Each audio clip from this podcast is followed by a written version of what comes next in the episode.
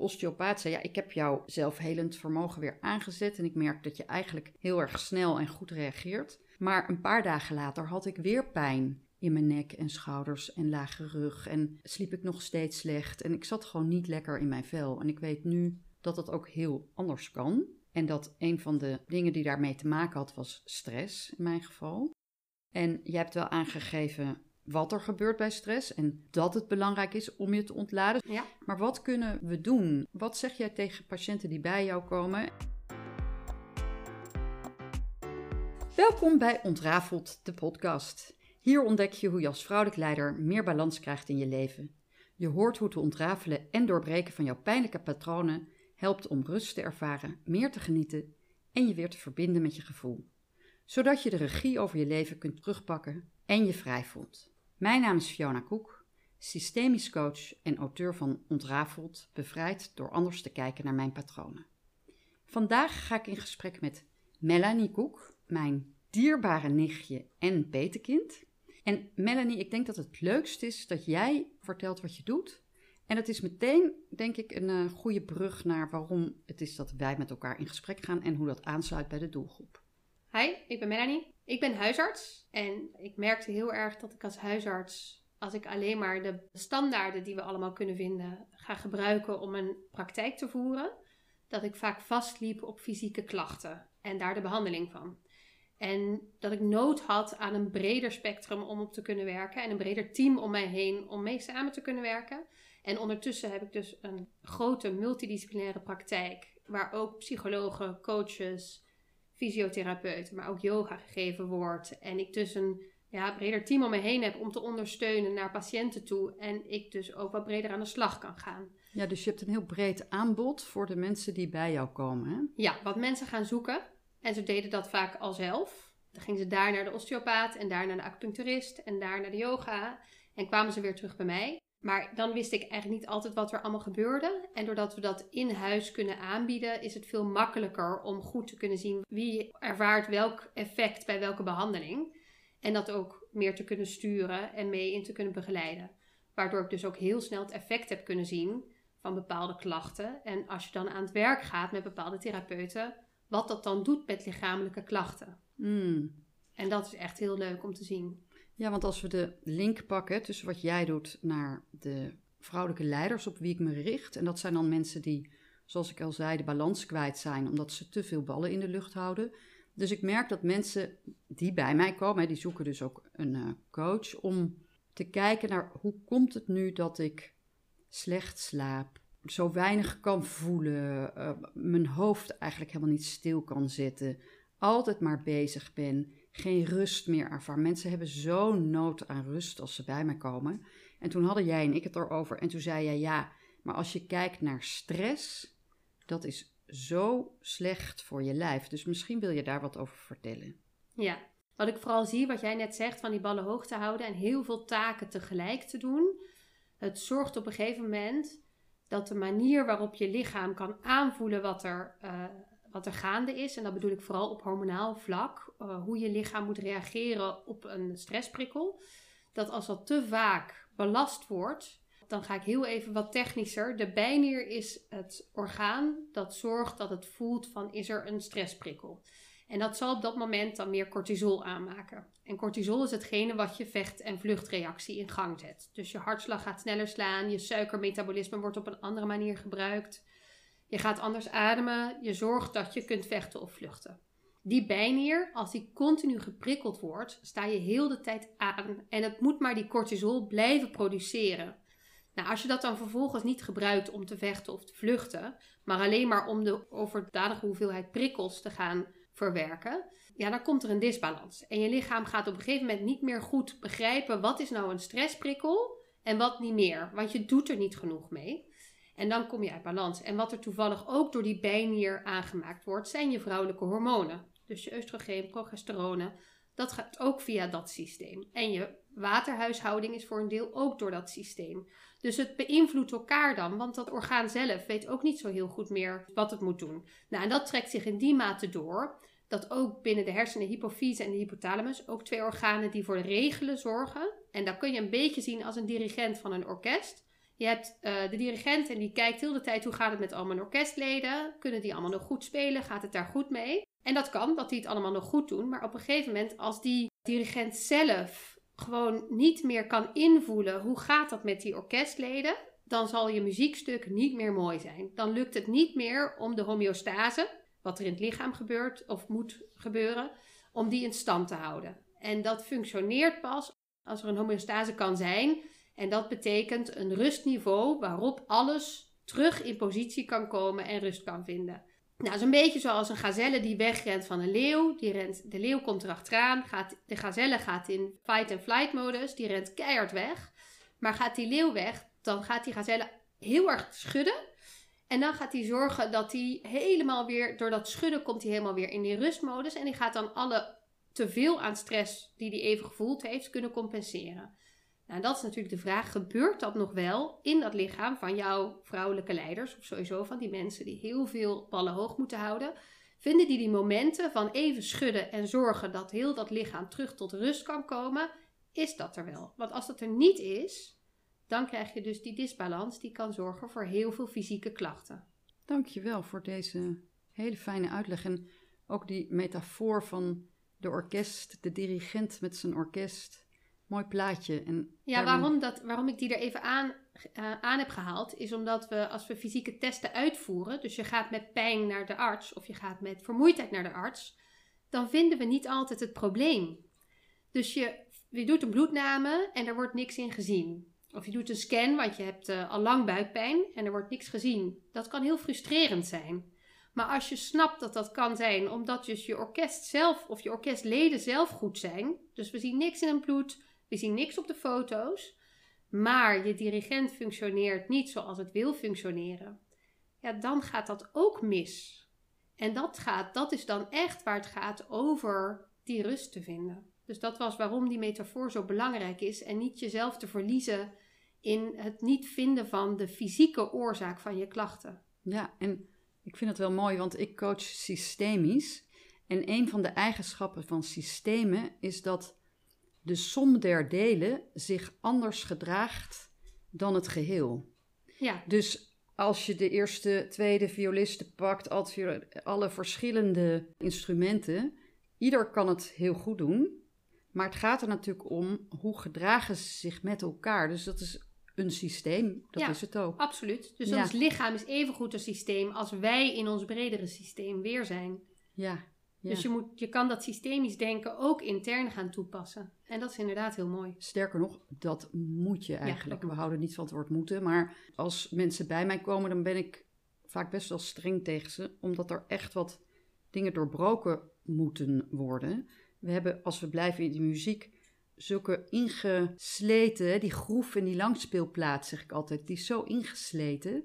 Dus om die groef te doorbreken en een nieuwe te maken, zal je iedere keer weer opnieuw die naald moeten oppakken en heel bewust naar die nieuwe groef moeten halen om een nieuwe gewoonte te creëren. Ja, en in dit geval dus ook de dirigenten moeten opnieuw voelen waar komt een prikkel verkeerd binnen, waardoor zij verkeerde manier die aanslag doet of het ritme doorgeeft. Want dat invoelen van die verkeerde, of als je niet ziet dat die groef er is, ja, dan gaat het ook niet goed. Dus het helpt als iemand je daarop wijst, hè, daarvan bewust worden. Maar je geeft nog iets, je noemt iets heel belangrijks voelen. En ik merk, het klinkt zo simpel als je gewend bent om te voelen en naar je lijf te luisteren. Maar ik weet er alles van. Ik heb jaren mijn lichaam, zoals ik in mijn boek ook zeg, iedere keer weer gebracht naar een andere therapeut. En dan bracht ik mijn lichaam daar naartoe en dan zei ik heel mij. Ja, iedere therapeut afzonderlijk zei ja, ik kan eigenlijk niet zo goed de vinger leggen op wat er aan de hand is. Want de osteopaat zei ja, ik heb jouw zelfhelend vermogen weer aangezet en ik merk dat je eigenlijk heel erg snel en goed reageert. Maar een paar dagen later had ik weer pijn in mijn nek en schouders en lage rug. En sliep ik nog steeds slecht. En ik zat gewoon niet lekker in mijn vel. En ik weet nu dat dat ook heel anders kan. En dat een van de echte dingen die daarmee te maken had, was stress in mijn geval. En je hebt wel aangegeven wat er gebeurt bij stress en dat het belangrijk is om je te ontladen, zoals een dier in de natuur zo heel hard schudden met dat lijf. Ja. Maar wat kunnen we doen? Hè? Wat zeg jij tegen patiënten die bij jou komen en jij ziet dat al die afzonderlijke instrumenten die werken eigenlijk best wel goed, maar de dirigent niet. Die weet het niet op de juiste manier aan te sturen. Ja, klopt. Welke tips geef jij dan? Nou, het allerbelangrijkste is de eigen motivatie. Iemand moet er iets aan willen doen. Dus de zelfzorg, het voor zichzelf zorgen en dus ook die tips daadwerkelijk gebruiken, is, moet er zijn. Dat wat jij ook zei. Ik kom bij een therapeut, verwacht dat hij het oplost. Dat, daar zit ik heel veel mee vast. Hè. Ze hopen dat ik het oplos. Nou, daar probeer ik vooral de verantwoordelijkheid ook terug te geven. Dat is trouwens iets wat jij mij ooit geleerd hebt. Daar kom ik zo meteen nog wel even op terug. Maar dat heb ik ooit van jou geleerd. Je kan niet alleen maar als arts dan die vragen krijgen en het proberen op te lossen voor iemand anders. Dus het is heel erg dat samenspel dat ik dan heb met patiënten. Nou, waar kijk ik heel erg naar? Ten eerste in welke stresssituatie iemand zit. Je kan in een overbelasting zitten, een overspanning, je systeem die continu aanstaat en op een hoog pitje aanstaat. Nou, dan heb je heel veel cortisol die op dat moment vrijgegeven wordt, maar dat kan je nog aan. Dat zijn vaak de topsporters en de, vrouwen hoog in de, nou, trouwens sowieso de CEO's, de, mensen hoog in het bedrijfsleven. Die blijven maar gaan, omdat er heel veel verantwoordelijkheid is. Nou, die cortisol is er, dus die moet je af en toe gebruiken. En dan is het heel goed om bijvoorbeeld te gaan sporten of heel erg hard te gaan zingen. Zet die muziek thuis aan, zing keihard mee, dans mee. Zorg dat je dat lichaam gebruikt. Dat je die, die, dat vechten en vluchten echt daadwerkelijk doet. Dus je mag gaan boksen, je mag gaan roepen, je mag gillen, je mag in het midden van een bos gaan staan en zorgen dat dat eruit komt. Uh, of sport dus. Hè? Dus uh, zoek een teamsport, een, uh, ga rennen. Manieren om die cortisol te gebruiken. Dit is wel met een oppassen, want het is weer ook een belasting van je systeem. En sporten is heel goed, maar zodra je er weer over gaat, en dat zie je vaak bij mensen die al um, heel erg goed en, en met veel compassie met werk bezig zijn. En die gaan dan sporten, gaan dan met heel veel compassie dat weer doen. En dan wordt het weer een te. En te is niet goed. Dus wat we dan zien is dat het dan beter is om af en toe te zorgen voor rust. Het systeem volledig tot rust te kunnen brengen. En daar is ademhaling enorm belangrijk. En die ademhaling, waarom is die belangrijk? Omdat het ademhalingssysteem is een manier om tussen je orthosympathische, en dat is je stresssysteem of het echte aansysteem te gaan, en tussen je parasympathische systeem, en dat is je rustsysteem te gaan. Omdat ademhaling kun je, nu merk ik dat ik mijn ademhaling zelf wat moet onder controle brengen, maar je ademhaling kan je dus zelf onder controle brengen, maar gaat ook automatisch. Dus je ademt ook als je slaapt en je ademt ook als je het niet door hebt, maar je gaat ook als je in stress bent veel oppervlakkiger en sneller ademen. En als je tot rust komt, ga je veel rustiger ademen. Nou, gaat dat lichaam in een stress of ben je heel de tijd druk bezig, dan ga je heel de tijd korter ademen. Door zelf te gaan zeggen: Ik heb dit door, ik ga rustig ademen, zeg je dus eigenlijk tegen je lichaam: Kijk, ik kan nog rustig ademen. Dus er is geen beer op de weg, er is geen leeuw die achter mij aanrent. En ga je dat lichaam bewust tot rust brengen en naar dat parasympathisch systeem duwen, naar dat rustsysteem. Dus ademhaling is een belangrijke. Waar zie je dat terug in komen? In yoga. Dat is een manier om helemaal tot rust te komen.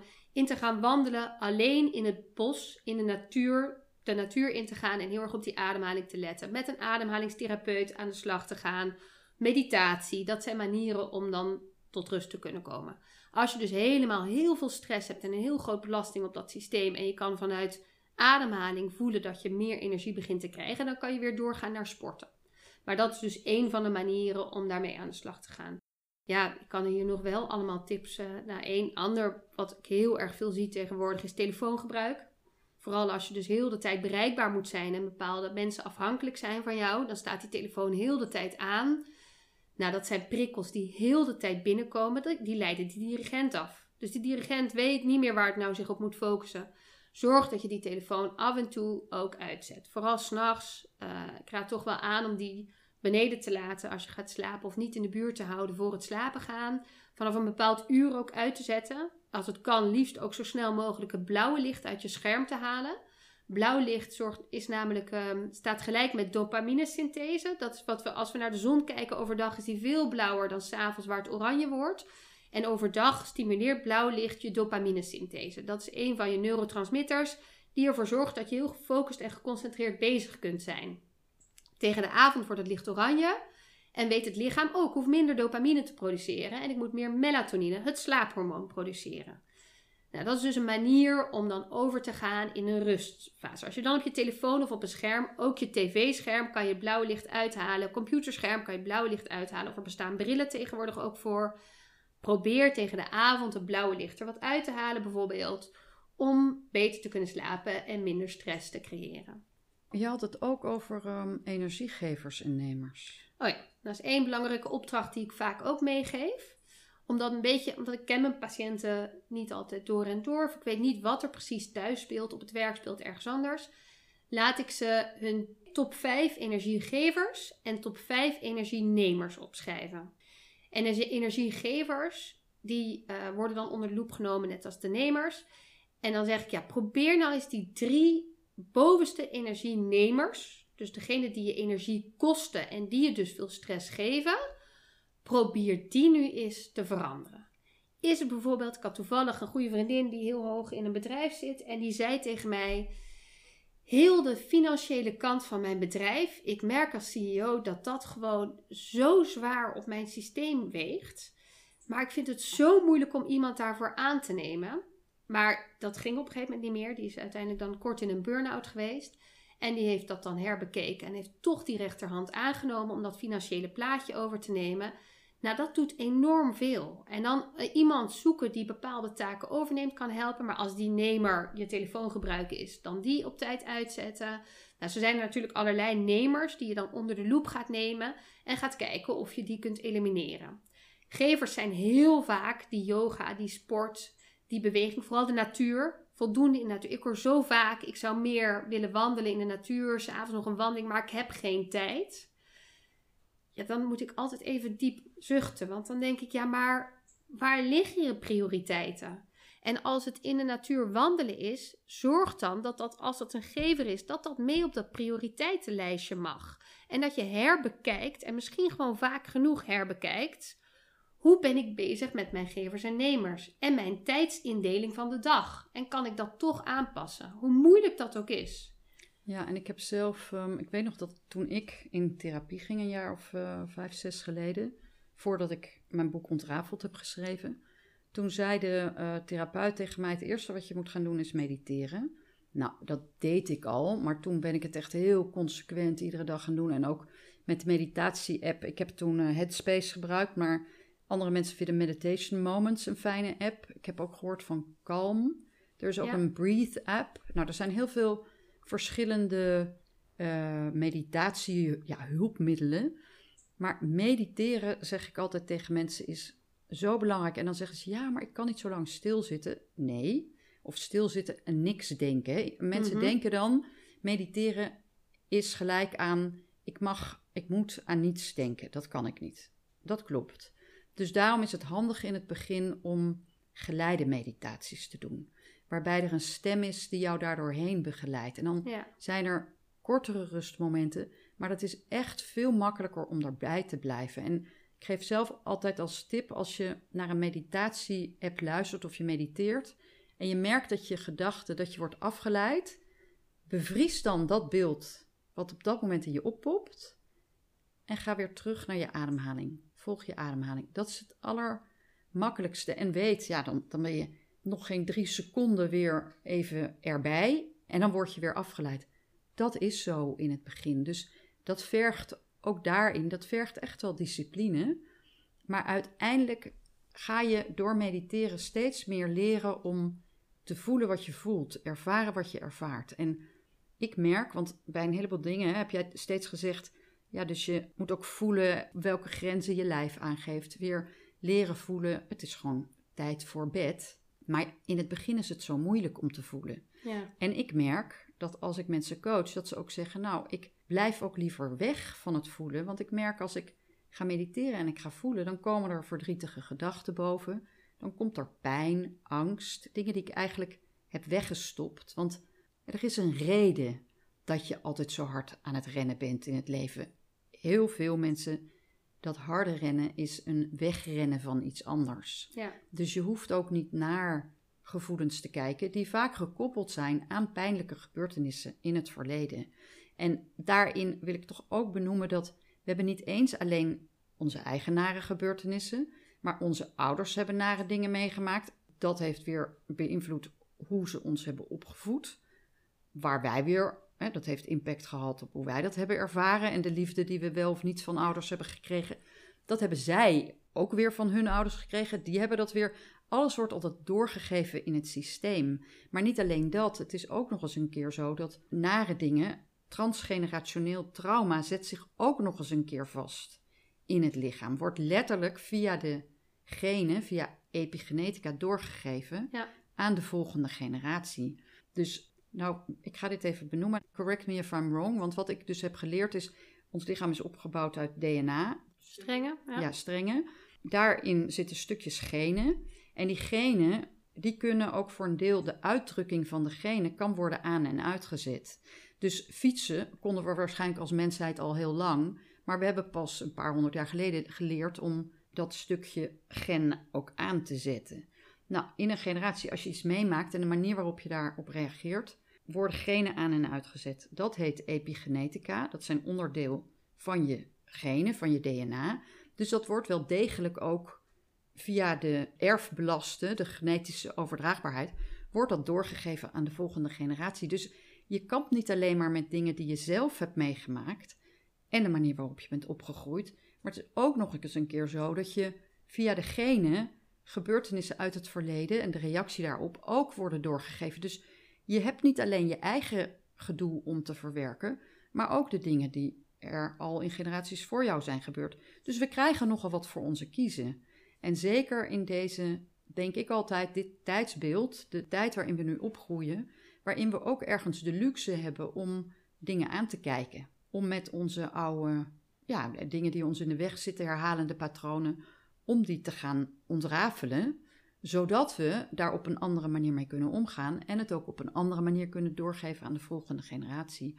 Maar dat maakt wel dat je, als je die keuze maakt, dan heb je wel eerst je open te stellen om te voelen. Ja, klopt. En daar heb je ook iemand nodig om je daar goed mee te helpen. Want dit is ook niet iets dat je zelf ziet. Ik merk heel erg naar als patiënten aan de, aan de slag gaan met bijvoorbeeld systeemtherapie of andere soorten van therapie. Dat, dat, dat er naar dingen naar boven komen waar ze gewoon niet bij stilstonden. Dat het zo'n grote invloed had op de manier waarop ze met bijvoorbeeld stress omgaan. En dat is vaak heel verhelderend naar behandeling ook toe en naar hoe je met iets omgaat. Dus ja, ik ben heel dankbaar dat patiënten, als ik patiënten kan doorsturen en ze durven daarvoor open te staan, dan zie ik gewoon ze groeien. In het voelen, in het bewustzijn en dus ook in andere manier van met die stress omgaan. Want het is niet per se minder stress, het is gewoon het beter kunnen managen van de stress. Ja, beter Ik merk dat ik echt veel beter kan luisteren naar mijn lichaam. Dus het is een vicieuze cirkel waar je op een gegeven Ja. moment in terechtkomt. Ik kan beter luisteren naar mijn lichaam. Ehm, daardoor zit ik veel lekkerder in mijn vel. Ik heb geen pijn meer in mijn lijf, waardoor ik weer kan sporten, waardoor ik mezelf weer kan uitdagen, waardoor ik lekkerder in mijn vel zit. En dat straal je vervolgens uit. Ja, jij zit in die positieve visueuze cirkel, maar Ja. die hebben we heel vaak andersom. En dan ga je dus minder, je krijgt meer stress, je gaat minder naar buiten, want je hebt minder tijd, je zorgt minder voor je lichaam, je gaat ongezonder eten.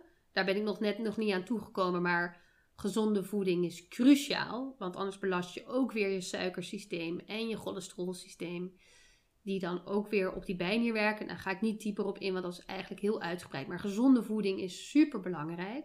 Nou, als je dan ongezond gaat eten, weer met negatief effect, ja, dan, dan blijft het een negatieve spiraal.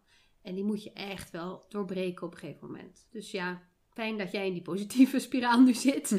en dat, dat wil je gewoon, die om een keer betekenen. En dat vind ik het mooiste om te kunnen zien als ik voel van... hé, hey, er is nu iets gebeurd waardoor ik iemand in die positieve spiraal heb gekregen.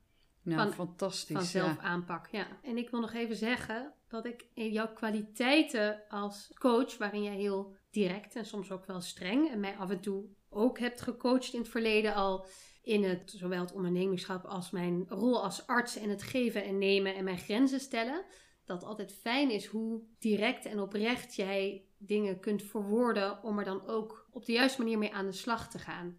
En dat is gewoon heel dierbaar. Dus heb ik echt, uh, kan ik alleen maar heel erg aanraden aan iedereen om eens dat kijkje te kunnen nemen. Wauw, dankjewel Melanie. Ik vrees voor de luisteraar dat uh, deze lieve Melanie uh, niet in Nederland zit, maar in België. Nou, misschien mocht je in de buurt van Schoten Nee, doe wonen. maar niet. Ik heb oh. genoeg patiënten. Oké, dus ik kan niet te veel reclame maken, maar ik vond het wel heel erg leuk om dit gesprek met jou hierover te voeren. En ik kan jou niet vanuit een um, huisartsenkant, maar wel ja, ook een, een, een, holistische aanpak in hoe kan ik, wat zit daaronder dat ik die stress ervaar? Hoe kan ik op een andere manier kijken naar mijn herhalende patronen, naar de dingen die er gebeuren in mijn lichaam, zodat ik weer lekker in mijn vel zit, weer die rust ervaar, dat ook uitstraal, op een andere manier kan omgaan met nou, alles in mijn leven. Van hoe verhoud ik me tot mijn partner en eventuele kinderen, uh, medewerkers waar ik mee samenwerk, collega's, etc. Het is gewoon heel fijn om lekker in je lijf te zitten. Dus mocht je daar naar willen kijken, dan kun je bij mij terecht voor een opstelling één op één, voor een coachingstraject als individu, dus ook één op één. Of je kunt meedoen aan de training patronen ontrafelen. Dat is een traject van vier maanden waarin je samen met andere deelnemers jouw eigen patronen gaat ontrafelen. Mocht je denken, nou, het is voor mij echt hoog tijd om op een andere manier met mezelf om te gaan, neem een kijkje op mijn website www.koekcoaching.nl. Daar kan je zien wat ik allemaal aanbied en kun je ook de vorige podcasts vinden die ik heb opgenomen. En laat me vooral weten als je onderwerpen hebt voor deze podcastreeks, want zoals je merkt, ik heb uh, hele uiteenlopende gesprekken met verschillende mensen. Maar ik vind het zelf zo leuk om te doen. Dus uh, trek vooral aan de bel. En mocht je dit een leuke podcastserie vinden, wil ik je vragen om een beoordeling te geven. Dat kan je doen door een sterretje te geven in of Apple of Spotify of nou de podcast app waar jij naar luistert. Uh, zodat het gemakkelijker wordt voor anderen om dit te vinden. En je kunt de podcast natuurlijk delen met anderen. Dankjewel lieve Melanie voor dit leuke en informatieve gesprek. Dankjewel Fiona.